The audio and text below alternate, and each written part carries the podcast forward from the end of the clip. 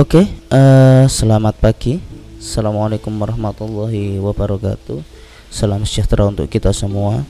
Yang saya hormati teman-teman di mana pun kita berada. Sebenarnya saya ingin menyapa teman-teman secara langsung eh, melalui pertemuan kita pada pagi hari ini. Ini mungkin akan menjadi pertemuan terakhir kita di semester ini. Tapi eh, bagaimanapun juga kita harus tetap bersyukur masih diberi kesempatan untuk belajar meskipun dalam kondisi keterbatasan dan uh, kondisi kita seperti saat ini.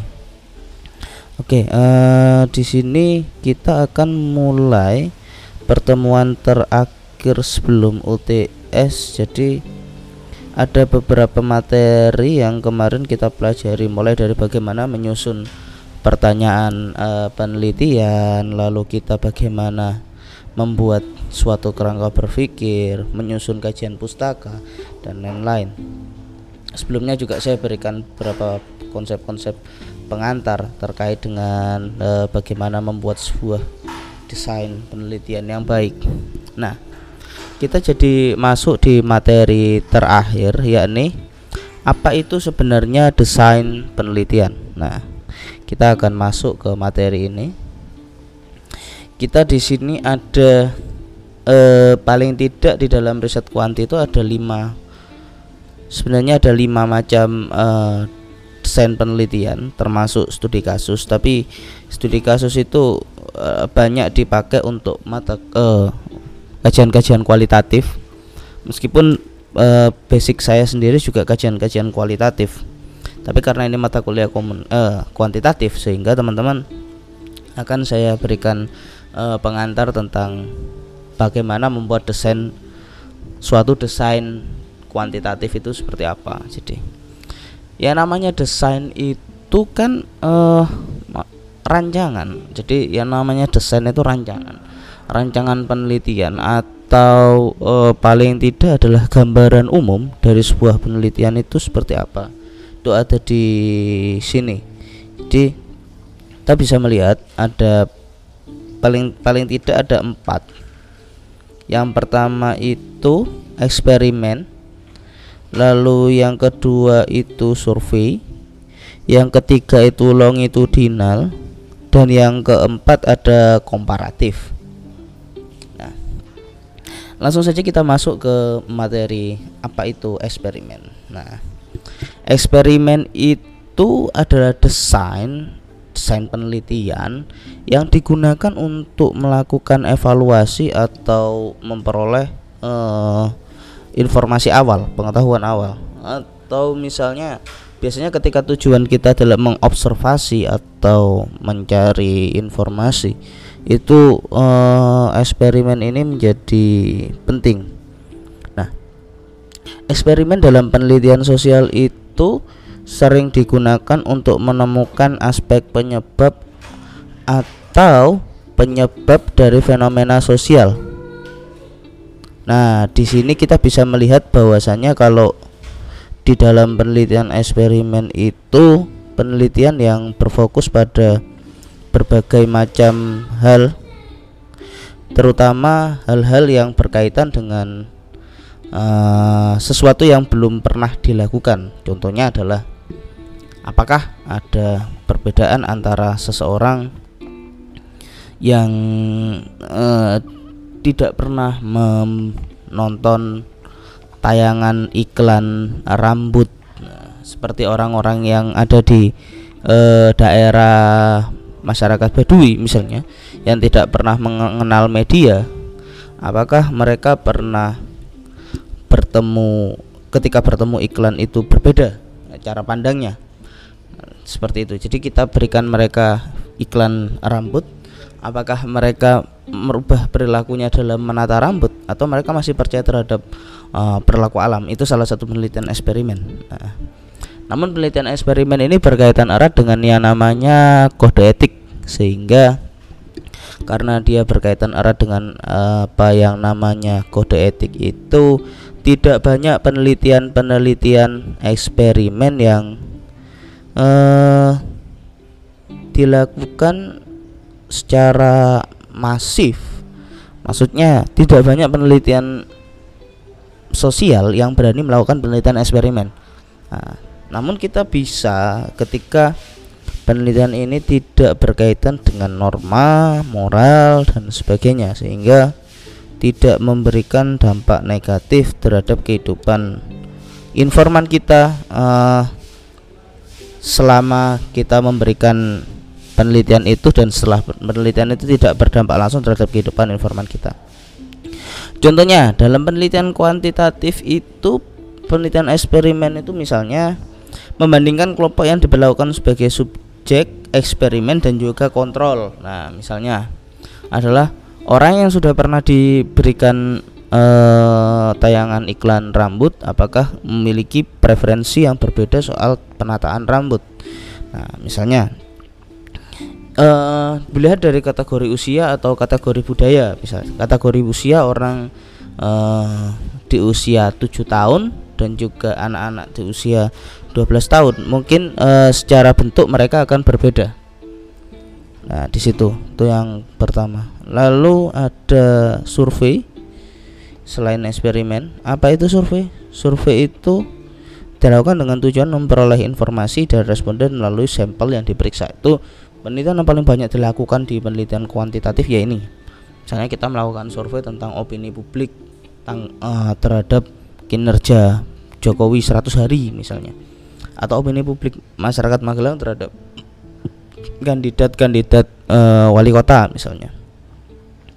Tuh yang kedua ada penelitian survei survei ini yang banyak kita pelajari di statistik itu ya banyak survei misalnya bagaimana kita mengambil sampel dan lain-lain lah penelitian ini bertujuan uh, untuk menerapkan uh, misalnya ketika ketika kita melakukan analisis uh, teks. Nah, analisis teks kalau dikomunikasikan ada analisis teks itu.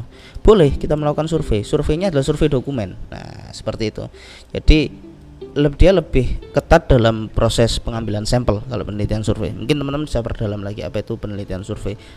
Nah, Contoh-contoh penelitian survei itu ya seperti survei pada mahasiswa UMM terkait preferensi penggunaan media, opini publik terhadap kinerja ketua PP Muhammadiyah atau uh, tanggapan warga terkait penanganan corona oleh pemerintah itu itu berkaitan dengan survei survei yang uh, berkaitan dengan ilmu komunikasi. Ada teorinya tentang opini publik.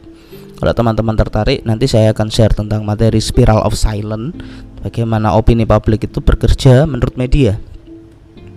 Nah, lalu yang menarik yang sering saya lakukan di sini adalah riset longitudinal. Saya sendiri sering melakukan riset longitudinal. Apa kata kunci longitudinal? Longitudinal itu kan panjang. Berarti kata kuncinya adalah waktu. Jadi riset longitudinal itu uh, misalnya proyek-proyek penelitian itu biasa digunakan dalam proyek penelitian longitudinal Uh, perbedaannya bahwa penelitian longitudinal dengan sampel yang sama itu hampir sama seperti survei dilakukan secara berkala dalam waktu yang relatif lama itu yang penting uh, studi longitudinal itu untuk mengidentifikasi tren atau perkembangan dalam suatu fenomena berdasarkan sampel mereka misal kalian sudah punya sampel yang tidak akan pernah hilang orangnya maksudnya seperti penelitian di LPM Tidar itu kalian bisa melihat Gaya menulis LPM Tidar e, periode 2019. Gaya menulis LPM Tidar periode 2020. Gaya menulis LPM Tidar periode 2022 misalnya. Nanti di 2025 kalian akan buat sebuah kesimpulan. Gaya menulis LPM Tidar dari masa ke masa. Di sebuah tinjauan dari 2019 hingga 2024. Jadi kajian ini dilakukan secara lim selama lima tahun. Apakah ada batas dalam penelitian longitudinal? Tidak ada. Tergantung kalian. Tujuan kalian seperti apa? Kalau kalian melihat tren dalam uh, ruang lingkup waktu lima tahunan ya lima tahunan. Kalau kalian melihat tren dalam ruang lingkup satu window ya tiap 8 tahun kalau kalian melihat tren dalam lingkup dasawarsa ya tiap 10 tahun uh, ada yang melakukan penelitian itu selama serat bukan 100 selama uh, dia menjadi akademisi melakukan penelitian dan tidak akan pernah selesai sampai dilanjutkan oleh anak-anaknya.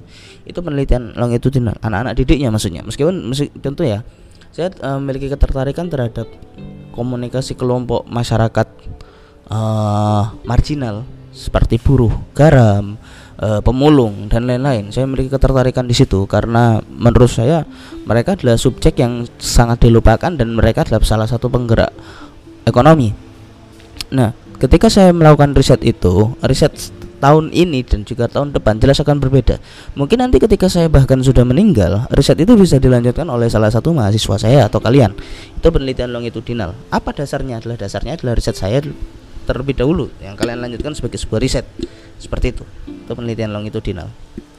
Nah contohnya uh, studi efek penggunaan e-learning WMMGL ditinjau dari 2019 hingga 2020 tren rambut 2010 hingga 2020 popularitas presiden periode kedua. Uh, jadi bagaimana di periode kedua itu popularitas presiden seperti apa? Jadi selama periode kedua dilihat. Lalu yang berhubungan dengan perkembangan karena waktu itu uh, dan lain-lain banyak dan yang terakhir adalah studi komparatif. Penelitian ini uh, diterapkan pada penelitian yang fokus pada lebih dari satu kasus. Jadi misal ada kasus di mana penggunaan uh, kacamata untuk pemahaman teman-teman dalam belajar misalnya untuk membantu teman-teman uh, belajar penggunaan kacamata misalnya. Nah, yang satu lagi adalah penggunaan uh, softline. Nah, lebih efektif mana penggunaan kacamata dan softline untuk orang-orang yang memiliki mata minus. Nah, itu diberikan dua uh, studi, studi komparasi dikomparasikan. Oh, ternyata menurut ini lebih efektif ini, kekurangannya ini, kelebihannya ini. Kalau yang dari softline kekurangannya ini, kelebihannya ini, efektifnya di sini. Nah, itu yang uh, menjadi perbedaan. Lalu uh, studi ini tuh biasa perbedaan menjadi satu di antara bahkan dua lebih kasus. Jadi kadang kasusnya bisa sampai dua atau tiga. Contohnya adalah tingkat pemahaman uh, kam, uh, masyarakat terhadap kampanye politik Jokowi di periode kedua. Studi pada masyarakat adat Jawa, masyarakat adat Madura dan masyarakat adat Sunda itu tentu berbeda. Jadi nanti diperbandingkan komunikasi Jokowi jangan-jangan hanya efektif di masyarakat Jawa karena dia orang Jawa Nah, itu juga menarik ketika dilihat. Itu menariknya studi-studi komparasi itu seperti itu. Di sini juga saya menuliskan tentang tahapan-tahapan menulis suatu outline riset. Jadi kalian bisa membaca nanti tahapan menulis outline riset itu. Ini paling tidak hanya pengayaan dari beberapa materi yang sudah kita pelajari. Lalu uh, selain itu saya harap teman-teman berfokus pada bagaimana membuat desain penelitian itu sesuai dengan tujuan penelitian. Jadi jangan menganggap uh, memaksa wah asik kayak komparasi kayak asik. Tidak semua bisa dikomparasikan. Oh kayak longitudinal asik. Lah kalian mau kapan lulusnya? Kalau longitudinal semua kecuali kalian punya waktu memang rencananya saya mau lulus 7 tahun karena saya ingin riset saya longitudinal. Anda ada masalah. Saya tidak pernah melarang tapi ada pertimbangan-pertimbangan tertentu. Nah lalu saya mau penelitian wah ini menarik. Ketika saya melakukan penelitian survei ini enaklah cepet. Nggak semua juga bisa disurvei. Nah itu yang perlu teman-teman kaji lebih dalam. Jangan-jangan tujuanmu itu adalah tujuan untuk mengobservasi. Kalau tujuan mengobservasi ya eksperimen dong seperti itu. Nah itu meskipun nanti prosesnya berbeda-beda. Oke uh, langsung langsung saja kita masuk ke dalam penutup. Penutup kita di sini adalah teman-teman di sini harus menjadi periset yang taktis. Kerja riset adalah kerja berpikir kreatif. Kalian pasti ada mata kuliah critical uh, creative thinking. Jadi di situ dalam harusnya selain ada creative thinking ada juga critical thinking. Karena kalau berpikir kreatif tanpa berpikir kritis itu juga mengerikan. Kita berpikir uh, dengan dengan cara berpikir yang kreatif tapi tidak berfokus pada cara bagaimana berpikir sistematis dan juga kritis ya. karena kalau berpikir kritis itu kan berpikir sistematis sekaligus kreatif. Nah teman-teman di sini jangan berpikir objek besar jika belum sanggup jadi ya saya mau meneliti semagelang. Uang sanggupnya masih satu mertoyudan nah, jangan dipaksa gitu. Nah, kesanggupan ini macam-macam. Ada kesanggupan ekonomi kesanggupan kesanggupan fisik kesanggupan pengetahuan kesanggupan akses. Saya secara ekonomi dan pengetahuan mungkin tidak begitu banyak tapi secara akses uh, akses macam-macam saya bisa saya punya akses di segala macam orang misalnya. Orang ini orang ini dan orang itu. Itu cukup banyak. Akses masuk ke dinas akses masuk ke masyarakat marginal mungkin bisa. Nah, itu yang lebih membuat saya mudah selain dari sisi ekonomi. Daripada berpikir besar seperti itu maka berpikirlah bagaimana membuat sesuatu yang kecil menjadi besar. Oke? okay? Uh, mungkin itu saja yang bisa saya sampaikan. Uh, melalui uh, rekaman ini saya ingin mengucapkan banyak-banyak terima kasih karena teman-teman sudah fokus mengikuti kajian selama kita satu semester ini. Apresiasi saya saya di sini memegang beberapa kelas tapi menurut saya kelas paling menarik adalah kelas metode penelitian kuantitatif. Meskipun saya bukan orang kualitatif ke teman-teman antusiasmenya cukup membuat saya sampai kembali lagi berfokus untuk kembali bagi sepertinya kajian kuantitatif memang cukup menarik karena kelihatan dari animo dan kesenangan teman-teman dalam melakukan studi. Mungkin itu saja dari saya, kurang lebihnya mohon maaf. Bila taufik wal hidayah, tetap semangat. Assalamualaikum warahmatullahi wabarakatuh.